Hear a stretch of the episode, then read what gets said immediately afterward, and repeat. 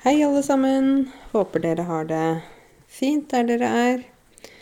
I dag så har jeg vært student, både i går og i dag, og i morgen. Og det er litt morsomt når man er lærer og plutselig er student, men eh, jeg tar et kurs på NTNU som heter Skriving på jobben. Eh, og det er ikke et kurs jeg tar fordi jeg er dårlig til å skrive. Eh, tvert imot, jeg er god til å skrive. det vet jeg at jeg er. Men jeg tenkte at jeg kunne lære noe nytt. At det kunne være litt spennende å jobbe med språk som har å gjøre med arbeidsspråk, da. Hvordan vi kommuniserer, hvordan vi skriver til andre, hvordan vi eh, prøver å være tydelig f.eks. i e-poster og sånne ting. Og der tror jeg at alle kan lære noe. Ehm, det er to professorer som har da dette kurset, og så tror jeg vi er kanskje 20 studenter som tar det kurset. Og de uh, andre studentene jobber i veldig forskjellige jobber. En del er byråkrater. Altså, vi sier at noen er byråkrat når de jobber i det offentlige med liksom administrasjon og litt tunge systemer. Da er man en byråkrat. Og så er det noen fra det private næringslivet. Og næringslivet er jo rett og slett eh, det som på en måte ikke er det offentlige, da. Eh, bedrifter, ikke sant. Eh, jeg er f.eks. en eh, aktør i næringslivet med norskopplæring. Så næringslivet handler egentlig om Altså det er det motsatte av det offentlige, da, som ikke er gratis, men som man må betale for. Så det er spennende å høre hva forskjellige folk møter av tekst. En del av de byråkratene eh, har å gjøre med litt tunge dokumenter, med ja, la oss si sånne rapporter, eh, anbudskonkurranser, eh, høringsutkast, som det er når det, skal, når det er nye lovforslag, f.eks., på Stortinget. Altså sånne ting. Og jeg er glad for at jeg ikke jobber med sånn type tekst. Eh, for det er litt sånn Jeg syns i hvert fall at det er litt tungt da, med sånn veldig byråkratiske tekster.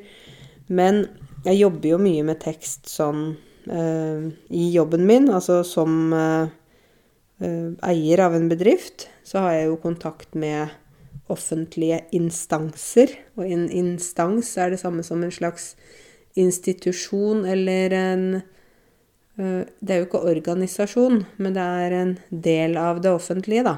F.eks. Nav. Eh, Nav er en offentlig instans. Samme som eh, ja et sykehus er en annen type instans, altså forskjellige grener. Du forstår, et tre har mange grener, ikke sant? Så treet er Hvis vi sier treet er det offentlige, og på det treet så er det mange grener. Det er instansene, skjønner du? Du har skole, du har sykehus, du har politi, du har eh, Nav. Du har mange ting. Så de som går på det kurset jeg tar på NTNU, som jobber i det offentlige, de jobber jo mye med litt sånn For meg så syns jeg det er kjedelige tekster. Litt sånn derre Ah, sånn tungt språk. Men så er jo da eh, kunsten Kunsten er Det er jo sånn som vi sier Kunsten er å gjøre det vanskelige til noe begripelig. Begripelig, det betyr noe man forstår. Så det var kanskje et nytt ord for dere. Så å gjøre det som er vanskelig, begripelig, og det tenker jeg det, det gjør jeg mye av. Det er jeg god på. jeg har jo tatt vanskelig grammatikk og så gjort det begripelig for dere. Um, men når man da har sånne offentlige dokumenter og skal gjøre den informasjonen begripelig for publikum, og publikum er da ikke publikum som sitter eh, på liksom et teater, men det er de som skal motta det. La oss si du og jeg, da. Vi bor i en kommune. Vi er publikum til kommunens webside. Fordi eh, kommunen kommer jo med informasjon. Særlig nå som det har vært korona og sånn, så har det vært mye informasjon. Og da er det viktig at publikum, altså du og jeg, som bor i en kommune, at vi forstår den informasjonen. For hvis det blir for vanskelig tekst, så eh, er det faktisk eh, ingen som forstår, og da blir det merarbeid. Merarbeid er et ord sammen. Merarbeid betyr at det blir eh, liksom at man må gjøre mer, da. Jobbe mer. Ekstra jobb fordi at man ikke har klart å kommunisere godt, da. Så det er det det kurset går på. Um, jeg er jo litt sånn i andre enden av skalaen. Nå kommer det litt uttrykk her, dere. Det må dere tåle. en skala, ikke sant. Du har skala fra A til Å. Du har en skala fra svart farge til hvit farge. En skala fra veldig dårlig til veldig bra. Skjønner du? Skala. Så på den skalaen, når vi snakker om eh, eh, tekster, da, så er jeg på den skalaen der jeg ikke skal skrive så tunge tekster, men jeg skal skrive tekster f.eks. i e-post som kundene våre forstår, altså de som lærer seg norsk. Og da må jeg skrive på en veldig enkel og tydelig måte. Samtidig så øh, må jeg ikke være frekk når jeg skriver. Jeg må være høflig, men jeg må være tydelig. Og ikke for mye informasjon. Så det er ganske interessant eh, måten å tenke på når man skal liksom formidle informasjon. At det skal ikke være for mye, ikke for lite, men passe. Um, og jeg tenker jo Hvis jeg har gjort en god jobb når jeg sender ut en e-post til en uh, ny student som lurer på informasjon om norskkurs og sånn Hvis jeg klarer å skrive veldig tydelig og informativt i min e-post, så får jeg ikke så mange spørsmål tilbake. Ikke sant? Det tenker jeg, da har jeg skrevet en god tekst. Fordi da har jeg forklart alt som jeg trenger å forklare, og den andre personen har fått de svarene som han eller hun trenger, da. Derimot hvis jeg uh, skriver utydelig og ikke kommuniserer sånn at uh, den uh, personen forstår, så vil det komme flere spørsmål etterpå. Så det kommer flere spørsmål etter jeg har prøvd å gi informasjon. Og da har jeg gjort en dårlig jobb. Så det med tekst er interessant. Ehm, det er litt rart med meg, fordi jeg er ikke sånn veldig glad i å lese bøker. Ehm, selv om da jeg var barn, så trodde lærerne mine at jeg leste veldig mye, fordi jeg var veldig god til å skrive. Så de hadde sånn tanke om at de som leser mye, de er gode til å skrive. Fordi de får så mange ord og uttrykk inn i sitt vokabulær, og de utvider ordforrådet sitt. De kan uttrykke seg på mange måter og sånn. Mens de som ikke leser, de får ikke det samme um, input Det var engelsk, da. De får ikke det samme vokabulæret og samme rikdommen innenfor språket, da. Um, men jeg er ikke sånn veldig glad i å lese, og det har å gjøre med at jeg er eh, Jeg liker ikke å sitte stille. Jeg liker faktisk ikke å sitte lenge stille på en stol, eller sånn ligge på sofaen og lese og sånn. Jeg kan jo lese av og til, men jeg liker mye bedre å høre på lydbok. Så som type så er jeg auditiv, og det betyr at jeg lærer veldig mye når jeg hører. Så når jeg hører på lydbøker, hører på podkaster, hører på folk snakke, da tar jeg inn veldig mye informasjon. Og det er sånn jeg har eh, på en måte blitt god til å skrive, tror jeg, og blitt god i språk, er fordi jeg er auditiv. Mens andre tar det da inn når de liksom leser noe, ikke sant. Vi er forskjellige, vi lærer jo forskjellig. Det har jeg snakket om før dere. Så jeg lurte lærerne litt da jeg var barn. De trodde at jeg leste veldig mye, men jeg gjorde ikke det.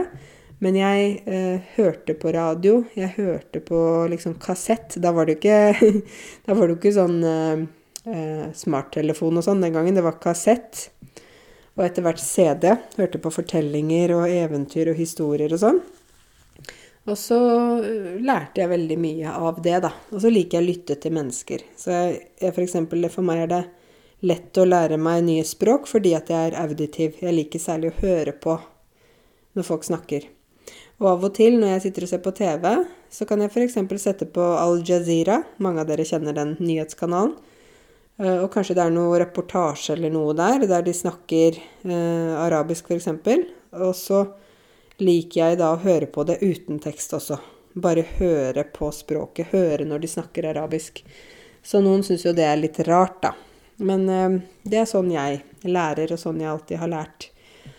Det jeg merker når det gjelder tekst i min hverdag, er jo at jeg får veldig mange e-poster hver dag. Ca. 100 hver dag. Hver eneste dag. Så det er ca. 700 i uka.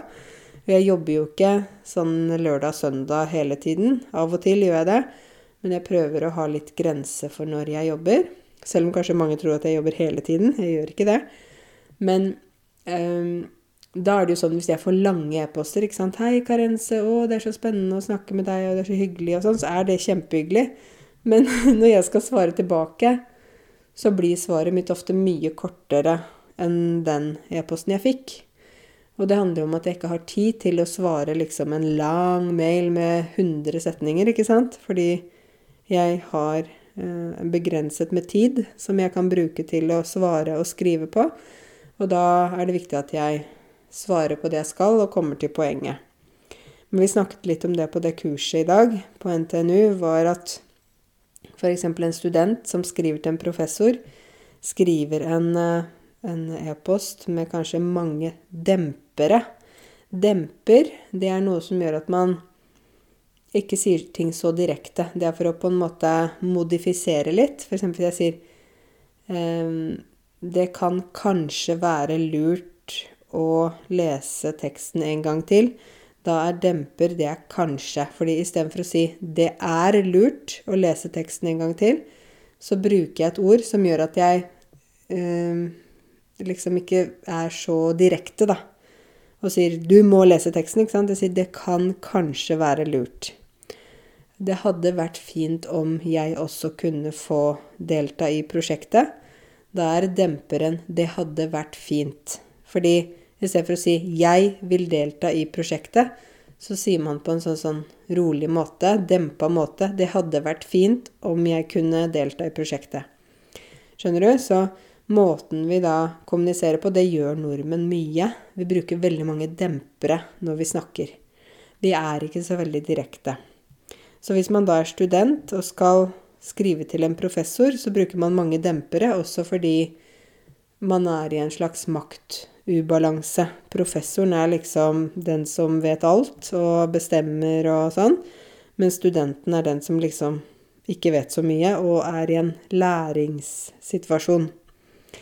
Så det jeg tenker, er jo at um, når det gjelder meg, da, og dere, når dere skriver til meg, så syns jeg det er veldig bra at dere skriver langt og skriver mye. Og hvis du får et sånn kort svar fra meg, du skriver en e-post til meg, så er ikke det fordi jeg ikke ønsker å skrive, eller fordi jeg bruker min makt til å liksom svare med tre setninger, men det er fordi jeg får så mange henvendelser. Altså det er så mange som kontakter meg. det er rett og slett bare det.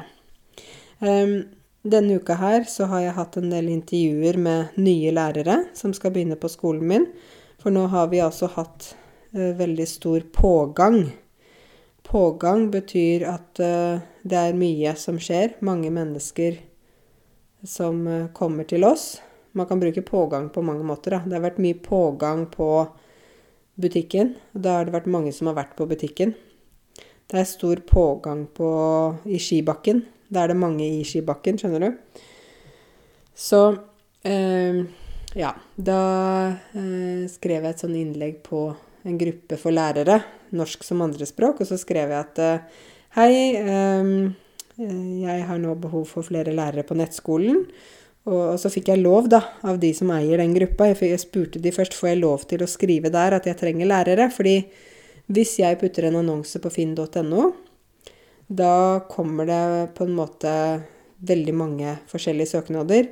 Og en del av de søknadene er uaktuelle kandidater, altså folk som ikke i det hele tatt har den kompetansen jeg leter etter.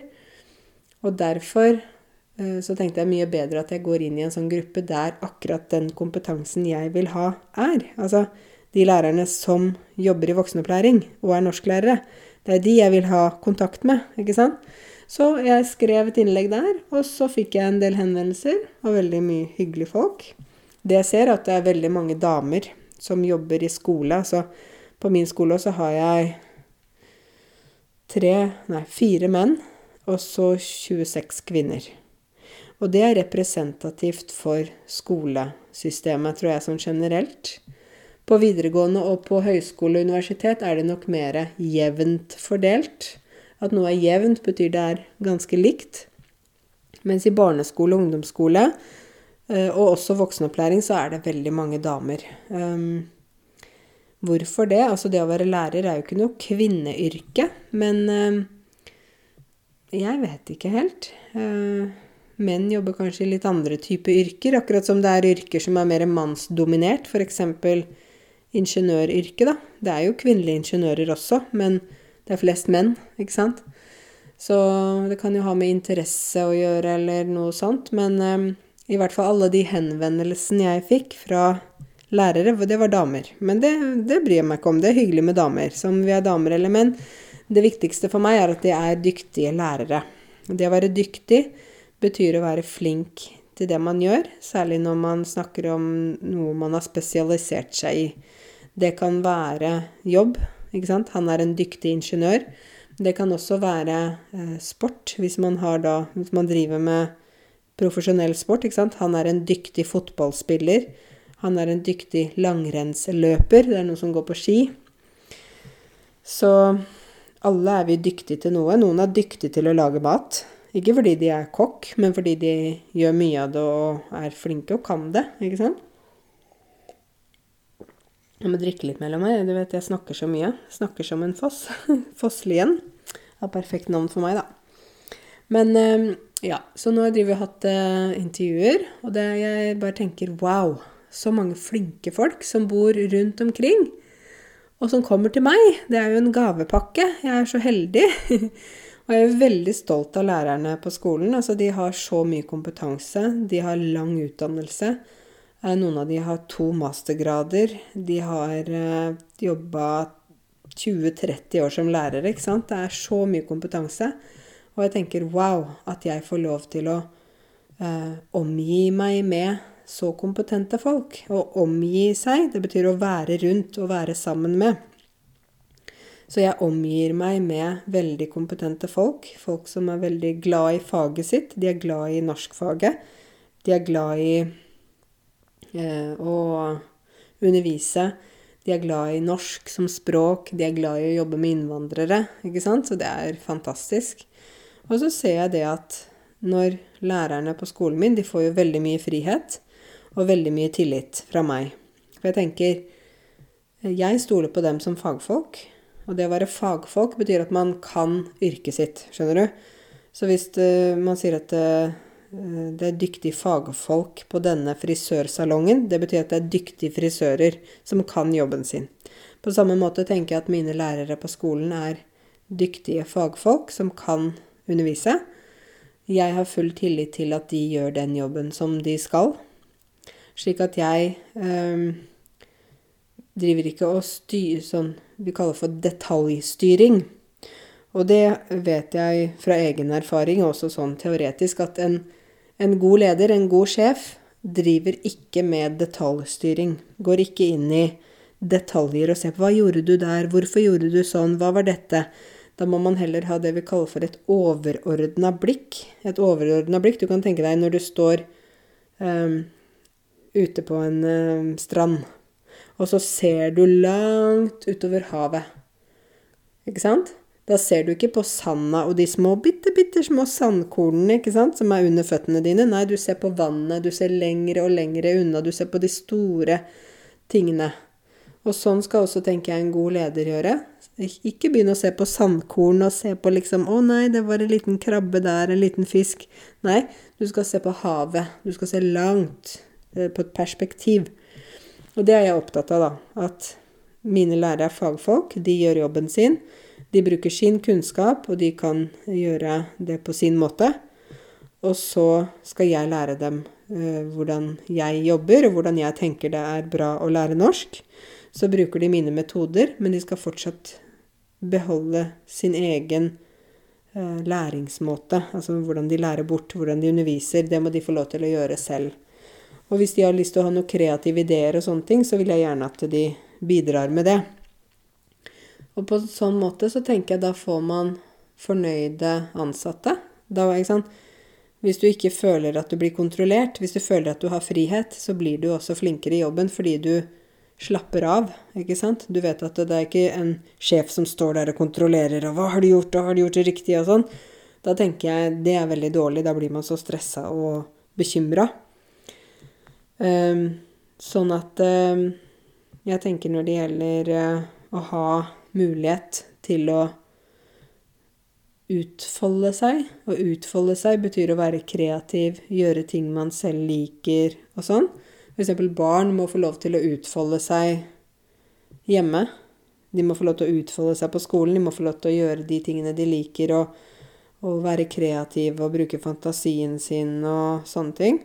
På samme måte må også voksne få lov til å utfolde seg i jobben sin, og ikke bli kontrollert på alle mulige måter, da. Ikke sant? Mange av dere kommer fra land der uh, sjefen, lederen, er nesten som en diktator. ikke sant? Står der og kontrollerer alt. Og da tenker jeg at da blir jo også de ansatte veldig lite selvstendige. Ikke sant? Fordi de blir bekymra. Har jeg gjort det riktig nå? Jeg må spørre om skal jeg gjøre mer. Er det riktig sånn? Og det ser jeg jo også på en del eh, innvandrere her i Norge, som jobber her i Norge i begynnelsen så kan det hende at eh, den norske sjef, hvis man er en norsk sjef, da, syns at den personen som da er innvandrer, er litt slitsom. Fordi de maser hele tida. 'Hva skal jeg gjøre nå? Jeg er ferdig med det. Hva skal jeg gjøre nå? Hva skal jeg gjøre nå?' Og det fungerer ikke her i Norge. For her forventer vi at folk må tenke selv hva de skal gjøre, og hva som passer. Og så må de eh, på en måte også være selvstendige, da og se hva man trenger å gjøre. Man kan ikke gå til sjefen hele tida og spørre 'hva skal jeg gjøre nå'? 'Nå er jeg ferdig med denne oppgaven. Hva skal jeg gjøre nå?' Man må liksom tenke selv. Ok, la oss si du jobber på en uh, kantine, da. Og du har lagd mat, og så sånn. Og så sier du 'jeg er ferdig med å lage mat, hva skal jeg gjøre nå?' Nei, du skal ikke spørre om det. Du skal bare se 'ok, er det noe vi skal rydde her'? Er det noen kunder som står og venter? Er det? Er det noe vi trenger å fylle på varer? Trenger vi Altså man må liksom gjøre, være litt selvstendig, da. Det er veldig viktig her i Norge. Um, og jeg publiserte, jeg vet ikke om dere så det, men jeg publiserte en video på YouTube. At jeg og ei som heter Eva, vi har laget et sånn digitalt jobbsøkerkurs. Altså det er ikke jeg som har laget det, jeg laget det sammen med Eva, men hun har skrevet kurset, da. For Eva hun jobber med um, Hva heter det?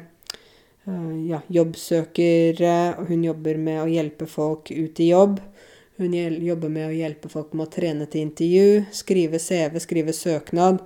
Trene de på spørsmål som kan komme på intervju. Um, alle sånne ting rundt jobbsøkerprosessen. Og også det med arbeidskultur, da. Hvordan er norsk arbeidskultur? Hvordan er kulturen andre steder? Hva er det viktig å huske på når du søker jobb i Norge? Og sånne ting. Så hvis dere ikke har sett det, så er det en video da som ligger på YouTube som heter 'Jobbsøkerkurs A til Å'. Der er det jeg og Eva da som snakker sammen. Og vi snakker om kurset. Og Eva har jo jobbet mange år med rekruttering, det å finne folk til riktige jobber. Uh, hun har jobba innenfor HR, altså Human Resources. Resources. Ah, jeg klarer ikke å snakke engelsk i dag. Human Resources, ja. Um, med det å Jeg jobba med personal, da, de som er ansatt, og hjelpe de og sånne ting. Og så sendte Eva meg en e-post her i høst, for hun er også leder av noe som heter PWN, altså det betyr Professional Women's Network, i Stavanger. Og jeg er jo medlem av PVN i Oslo. Men det er et sånn internasjonalt nettverk i mange land, da, med profesjonelle kvinner som som, altså, som jobber eller har en utdannelse innenfor forskjellige yrker, da. Og Eva, hun er leder for PVN i Stavanger. Hun bor i Stavanger. Um, og samtidig så driver hun da og hjelper folk med å finne riktige jobber og søke på stillinger og trene til intervju og sånn. Så hun skrev til meg og sa at hun hadde sett mine videoer på YouTube og lurte på om vi kunne samarbeide. Og så det, nå er det et uttrykk. Det, eh, hennes e-post kom i grevens tid. Greve betyr på engelsk duke. Er det ikke det? Nei, vet du. Greve. Ja. Duke. Det Er i hvert fall en sånn viktig mann, da. Uh, E-posten kom i grevens tid. Det betyr at den kom akkurat i riktig tid, den e-posten fra Eva, fordi jeg hadde selv tenkt på å lage et digitalt jobbsøkerkurs, men jeg har jo ikke tid til å lage det kurset. det er det som er problemet mitt. Så jeg eh, eh, det, det var veldig fint at hun kontaktet meg, og da lagde vi en plan for jobbsøkerkurs. Og det har hun nå laget et digitalt kurs med videoer og informasjon og oppgaver og sånn. Og så er det en video med, eller to videoer der med meg og Eva, der vi snakker sammen, og en der hun liksom intervjuer meg, på en måte. Sånn slags rollespill, teater. Eh, og hun har Det er mange kapitler, da. Jeg tror hun Det er 13 kapitler eller noe sånt på det nettkurset hun har. Um, og da er det jobbsøker, prosessen, uh, skrive CV, skrive søknad, LinkedIn-profil, uh, intervjutrening, hva du må tenke på når du søker jobber, hvor du finner jobber, sånne ting. Og så har vi da lagd det kurset i sånn pakke at man har det digitale nettkurset. Og så har man også eh, privat time med Eva. Og da har vi tatt på én måneds kurs, så har vi to timer med Eva. Fordi Eva sa at eh, det holder ikke med bare én time karense, de må ha i hvert fall to timer med meg, eller flere timer. Og vi har noen nå som har begynt å ta det jobbsøkerkurset. Eh, og de sier at det er veldig interessant. Og så tenker jeg det at Eva som jobber med det og vet så mye om arbeidslivet, arbeidsmarkedet. Det er jo fantastisk at hun kan hjelpe folk. Og da har de jo sånn privattimer med henne, der de sitter sammen med henne og ser på CV-en, ser på eksempler på søknader de har skrevet, eller prøver å få hjelp til å da skrive en søknad til en jobb de har sett på. Ja, så jeg syns det var veldig fint, og målet nå er jo at vi etter hvert skal bare ha egne kurs som uh, jeg skal lage. For jeg tenker at jeg har jo all kunnskapen jeg trenger for å lage helt egne norskkurs som jeg har skrevet, som jeg har forfattet. Um, og forfatte er faktisk et verb. Én forfatter er substantivet. Så planen er da at jeg skal forfatte og skrive egne kurs. Eh, og jeg tror det vil bli veldig bra. Fordi jeg har mye kunnskap, og så har jeg mye erfaring. Og da tror jeg at jeg kan skrive et kurs som passer til dere, da, som lærer norsk. Men øh, ellers så, så, er det jo sånn nå for tiden så Det skjer jo ikke så mye. Det er sikkert sånn der dere er òg. Det er så kjedelig. Og jeg har ikke lyst til å snakke om korona nå, for jeg syns det bare er utrolig Jeg syns det er kjedelig. Men jeg skal fortelle dere om én ting som er eh, på grunn av korona, men det er ikke korona jeg skal snakke om. Fordi de jeg skal snakke om, de liker ikke korona, de heller. og det er rett og slett eh, ei som jeg ble kjent med eh, på Facebook. Eh, men hun, eh, hun eh, har jobba med flyktninger og litt sånn. Og så har vi da snakka litt sammen fordi hun har, har hatt en kjæreste fra Kenya. Og hun har også en organisasjon i Kenya for å hjelpe barn til å komme på skole og sånt noe der. Og så er han kjæresten hennes her nå i Norge. Han kom i desember og fikk lov til å være på sånn visum i tre måneder. Turistvisum. Og så fikk de lov til å gifte seg. De var allerede forlovet, da, så de var egentlig ikke bare kjærester, de var jo forlovet. Og så um, skulle de da uh, gifte seg, ikke sant. De hadde lyst til å ha sånn vanlig bryllup og sånn stor fest med venner og sånn, men det var jo veldig vanskelig. Og så fikk de da tillatelse til å gifte seg, men da måtte de gjøre det nå som han var her. Det betyr at de eh, ikke kunne ha noe stort bryllup og sånn, men samtidig ville de ha med alle vennene sine ikke sant, på det bryllupet. Eh, og også selvfølgelig hans venner og familie i Kenya. Så det de gjorde, var å ha et digitalt bryllup. Jeg syns det var så kult, fordi eh, begge de to er veldig sosiale og liker liksom å være med venner og danse og ha det gøy.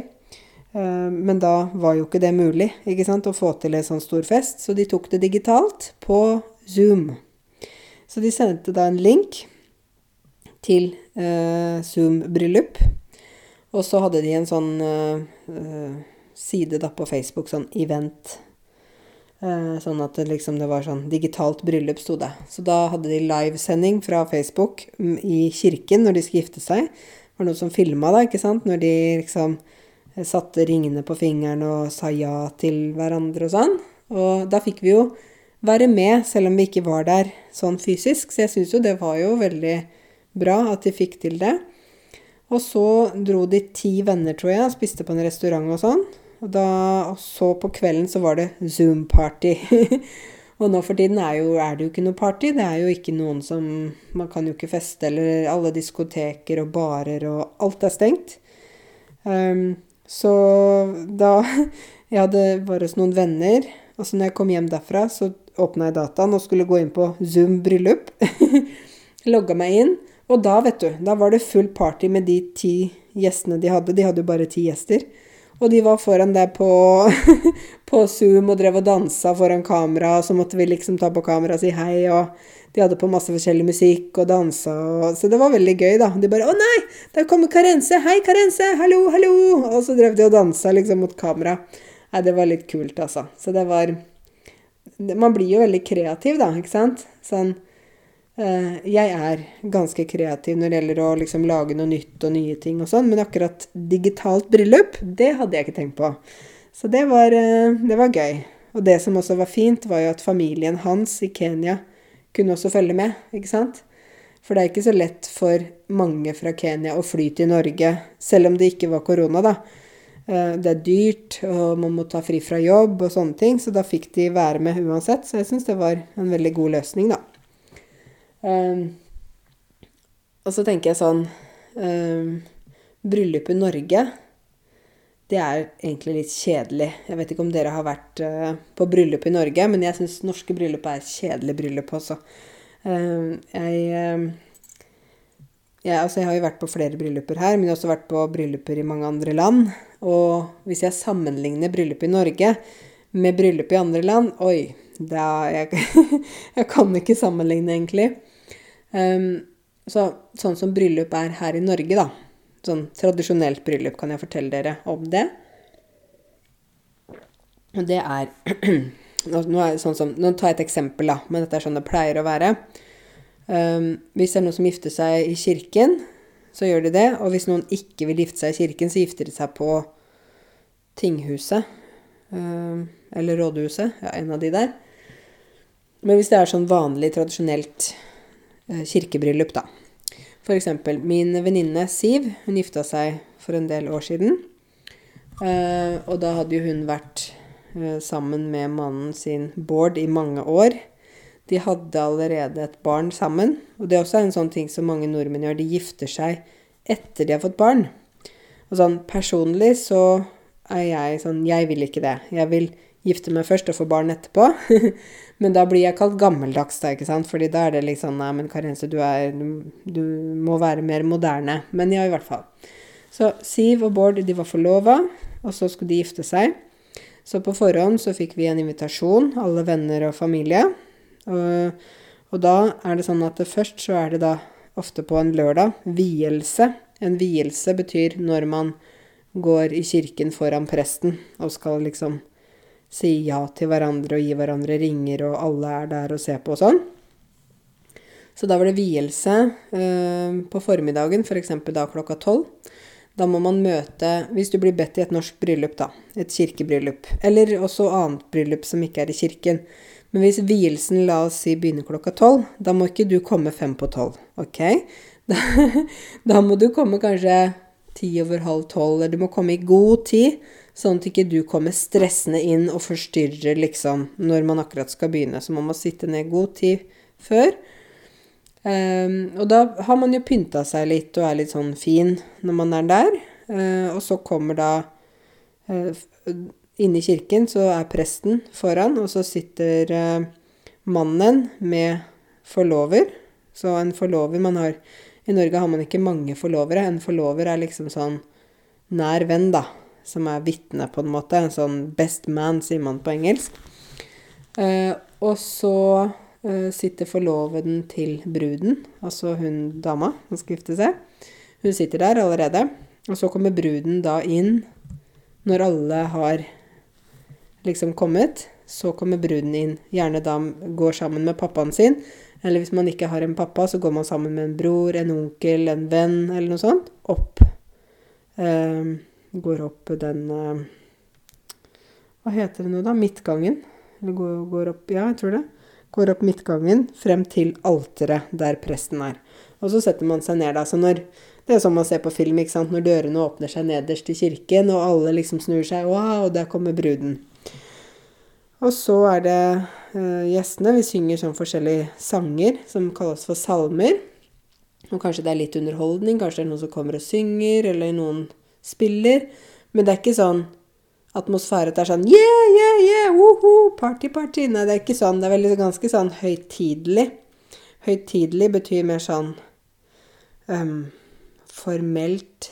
Uh, det er sånn seremoni. Det er liksom ikke sånn um, at man bare er helt gal og vill. Da må man være litt mer sånn kontrollert, da. Ja, Så gifter de seg, gir hverandre ja og kysser. Og så går man da ut av kirken. Da går brudeparet først ut. Og så går gjestene. Den bakerste rekka begynner å gå først, og så kommer den framste rekka til slutt. Uh, og så tar ofte man bilder da av brudeparet på trappa ved kirka. Og man tar bilder ved siden av de og sånn. Så Siv og Bård de hadde jo med seg sønnen sin, som de hadde på armen, og tok bilder med han. Og så var det litt forskjellige bilder. Og så eh, hadde de leid da en sånn gammel veteranbil som eh, kom. Eh, sånn gammel, sånn veldig fin, gammel veteran, veteranbil. Og så har de bak på bilen, ved hengerfestet, du vet der du kan ha tilhenger, da binder man sånn en tråd med eh, sånne blekkbokser. Du vet når du lager sånn mat av sånn bønner og tomater og sånn i boks, metallboks, så henger den sånn etter bilen, da. Så når de kjører, så bråker det, ikke sant. Da vet man at de, de har gifta seg. Jeg vet at i en del kulturer så kjører man mange biler, og så tuter du, du, du, du, du, du, du. Sånn er det ikke i Norge. Da kjører bruden og brudgommen selv, og ofte drar de da og tar bilder med fotograf et eller annet sted.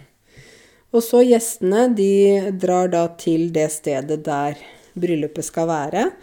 Og hvor er det stedet? Eh, det er ikke veldig mange som har det hjemme hos seg. De leier ofte et lokale. Det kan være alt fra et samfunnshus til et en sånn På hotell kan man være. Kan være på en uh, gård som noen leier ut. Det er sånn bryllupslokaler, ikke sant, sånn forskjellig. Men de som er inviterte, det er ikke sånn at det er 500 mennesker. Fordi det som, Til forskjell da, fra mange andre bryllup, så er det sånn her i Norge at fordi det er så dyrt, um, og fordi man ofte ikke har buffé, altså man har sånn mat til hver person, så må man vurdere hvem man skal invitere. Et stort norsk bryllup er kanskje 100 mennesker. Det er stort i Norge. Det er veldig lite for mange av dere, for dere er vant til 300, 400, 500, 600, noen 3000 mennesker. det skjer ikke her. Eh, her er det sånn det er de som er bedt, som kommer. Så hvis man ikke er invitert, så kan man heller ikke komme og være med på middag og sånne ting. Det kan være av og til at, at mange er invitert til hele bryllupet med middag og alt, mens noen er invitert til kaffe, altså etter middagen. Fordi det er dyrt å ha veldig mange på middag, og man må jo betale per person. Forrett, hovedrett og dessert. Ikke sant? Tre måltider. Pluss da kanskje drikke. Og da kan det bli f.eks. 700 kroner per person. Så hvis du da har uh, 100 mennesker, ikke sant, da kan du begynne å regne selv. 700 kroner ganger 100. Da begynner det å bli en del penger etter hvert. Um, så hvis man da har 500 gjester, så blir det veldig dyrt. Jeg vet jo at mange av deres bryllup også, mange av dere som har sånne store bryllup, at dere er vant til at det koster mye. Men i Norge er det ikke vanlig at foreldrene betaler bryllupet. Man betaler det selv. Så Siv og Bård, min eh, venninne og hennes mann, de betalte bryllupet selv. De fikk ikke penger fra foreldrene sine, skjønner du. Så hvis man da er ung, ikke sant, akkurat ferdig å studere, har kanskje akkurat fått en jobb, så har man ikke masse penger til å bruke på bryllup. Ikke sant? Det, det, det er ikke vanlig. Så da velger man jo kanskje å ha litt færre gjester eller noe sånt. Ja. Og så når man sitter da Etter hvert så kommer jo brudgommen, det er mannen, og bruden, det er dama. De kommer jo til festen. Og så starter vi ved å sitte ved bordet. Og så er det en person som er toastmaster. Det er da gjerne en god venn som øh, klinger i glasset pling, pling, pling, pling, og så sier noe, ikke sant, mellom eh, dessert og mat og sånn. Og så begynner man med da å få Først får man mat. Og så kanskje noen sier sånn eh, Skal vi se, sånn Jeg klarer ikke å slå her nå i koppen min. Sånn. Sånn. I glasset, da. Det er bedre lyd i glasset. Og da er det en eller annen som skal holde tale. Da kan det være mamma til bruden, mamma til brudgommen, en god venn, en tante, en onkel, bestemor, søster, bror En sånn som holder en tale om Det kan være både brudeparet eller bruden alene eller brudgommen. Og forteller om hvordan de var da de var små, og morsomme ting de gjør, og sånne ting. Eh, det jeg ikke liker med norske bryllup, er at det er veldig mye sitting. Man sitter veldig mye. Man sitter hele middagen. Og så er det masse taler, som da min venninne giftet seg, jeg tror det var 15 taler, 15 forskjellige mennesker som skal tale. det blir litt mye.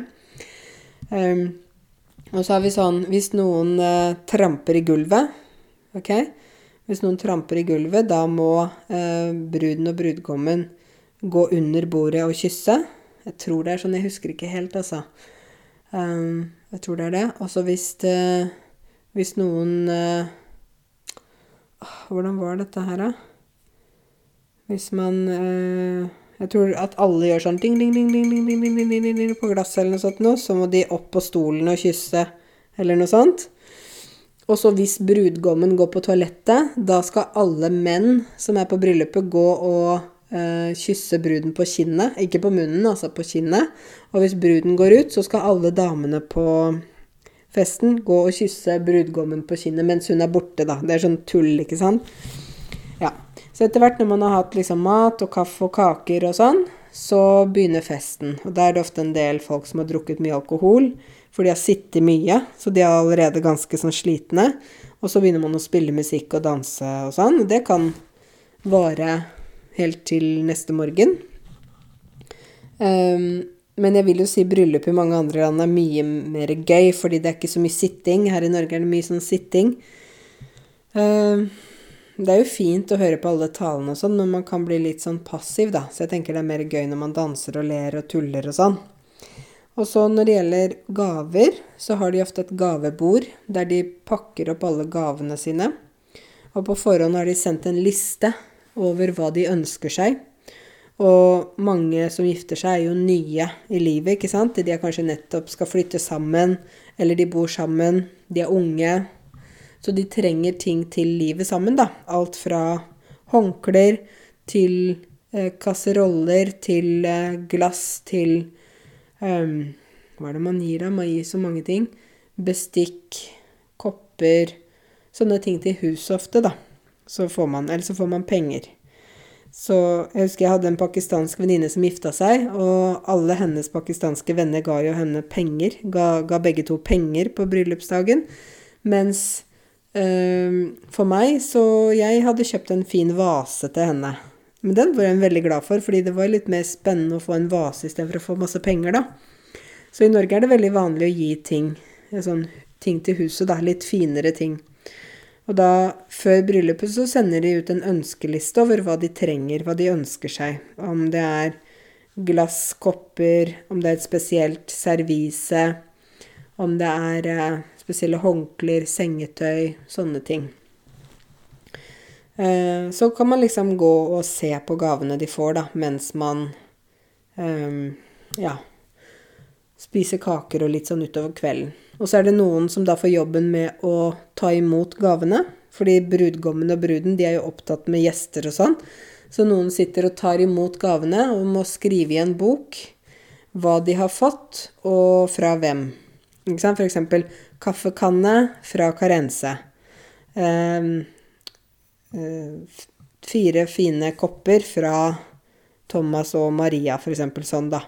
Så når de da skal skrive takkekort, for de sender jo ofte takkekort når bryllupet er over og noen måneder etterpå, når de får bildene fra fotografen, så sender de takkekort i posten, og da eh, sier de 'tusen hjertelig takk for um, Tusen takk for det fine bildet vi fikk til bryllupet vårt. Tusen takk for pengene vi fikk til bryllupet vårt. Tusen takk for de fire koppene vi fikk til bryllupet vårt, ikke sant? Fordi det har de hatt en liste over hva de fikk, fra hvem. Så må de sende takkekort. Og da er det bilde av bruden og brudgommen, brudeparet, eh, og så takker de for det de har fått. Så det er veldig vanlig. Um, I Norge er det jo sånn at eh, de fleste bor sammen allerede hvis de skal gifte seg. Det er nesten ingen nordmenn som ikke bor sammen, og så gifter de seg, og så flytter de sammen. Det er liksom Ja. Det er mer i andre kulturer. Og det er fordi, det jeg snakka med dere om før, at her i Norge så er det viktig for oss å bli kjent før vi gifter oss. Før vi bestemmer oss for å gifte oss, så vil vi kjenne den vi skal gifte oss med. Uh, og hvis man, vi tenker da at hvis man bare flytter direkte inn sammen, så er det en stor risiko å ta, fordi du vet jo ikke om du passer sammen, eller om, om det kommer til å gå bra. Derfor bor vi ofte sammen først, for å teste, for å se. Og så gifter vi oss kanskje. Mange nordmenn gifter seg jo ikke. Og det er rett og slett fordi, tror jeg, at eh, det er ikke så mye sosialt press her. Du kan bestemme selv. Vil du gifte deg, vær så god. Vil du ikke gifte deg, vær så god. Det bestemmer du selv. Det er ditt liv. Og så er det dyrt å gifte seg, så noen syns ikke det er viktig. Og så er det Det er ikke noe du må gjøre, da. Ikke sant? Du bestemmer selv.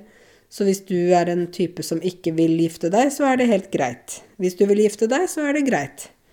Begge deler er greit. Og det er ingen som går og sier 'Å, vet du hva', hun er ikke gift, og han der er ikke gift, og sånn. Det er, det er ikke noe interessant her. Um, for vi tenker på at ekteskapet er ikke bare papir og ringer og penger og sånn. Det er faktisk først og fremst noe mellom to mennesker. Fra hjerte til hjerte. Ikke sant? Du kan ha 100 millioner eh, diamantringer, men hvis du ikke klarer å elske hverandre på en god måte og ha respekt for hverandre og være gode mot hverandre, så, så, hjelper det ikke. Så det må bygges opp, da. Så øh, det er liksom sånn bryllup i Norge. Så de som hadde digitalt bryllup, de hadde jo ikke et vanlig norsk bryllup. Men hvis de hadde hatt det, så hadde det jo vært mange sånne vanlige ting som jeg nå forteller dere om. Men jeg har jo vært på bryllup i Libanon, jeg har vært på bryllup i Canada, jeg har vært på bryllup i Skal vi se nå Eh, to bryllup i Libanon, faktisk. Um, og jeg har vært på bryllup i Brasil. Altså, jeg har vært på bryllup i andre steder, og det er mye mer gøy. jeg skulle ønske vi nordmenn kunne ta litt mer, ja, litt mer lærdom av eh, bryllup i andre land, for det er mye mer fest. Samtidig så vet jeg at i mange land så bygger man jo opp hele livet. Alt handler om bryllup. Alt handler om at en dag skal barna mine gifte seg. En dag er sønnen min og dattera mi de er gift, og de skal få sitt liv, og de skal få barnebarn, og ja. Så det er veldig stort fokus på det å gifte seg. Mens her i Norge så er ikke det så viktig. Det er ikke noe mindre På en måte, du er ikke bedre eller verre om du er gift eller ikke gift, ikke sant? Så i mange andre land så er det ikke noe alternativ å ikke være gift. Men for oss her så er det liksom Nei, men det bestemmer man selv. Så det er veldig forskjellig, egentlig. Men jeg tror at vi Vi har jo Vi gjør jo mye riktig her i Norge med at folk får velge selv og får lov til å leve sitt liv selv. Og ikke må bli pressa av foreldre til å gjøre ting de ikke vil, eller de ikke er klare for. Så jeg, jeg syns jo det er veldig viktig å få lov til å være et fritt menneske og bestemme selv, da. Så ja. Men sånn er det. Det var litt sånn I dag så snakka jeg om litt sånn litt av hvert, dere. Men um, jeg tenker at i den tiden her nå så får det bare bli litt sånn. Jeg er dessverre ikke på reise på Hawaii eller noe sånt, men uh, Ja. Nei da. Men uh, jeg håper at uh, det uansett er interessant for dere å følge podkasten min. Og så håper jeg at dere sender meg noe innspill hvis dere har noe dere vil at jeg skal snakke om på podkasten. For det er veldig fint. Hvis dere gir meg temaer, så blir jeg veldig glad for det. Så takk for at dere lyttet til, og så høres vi snart igjen. Ha det godt.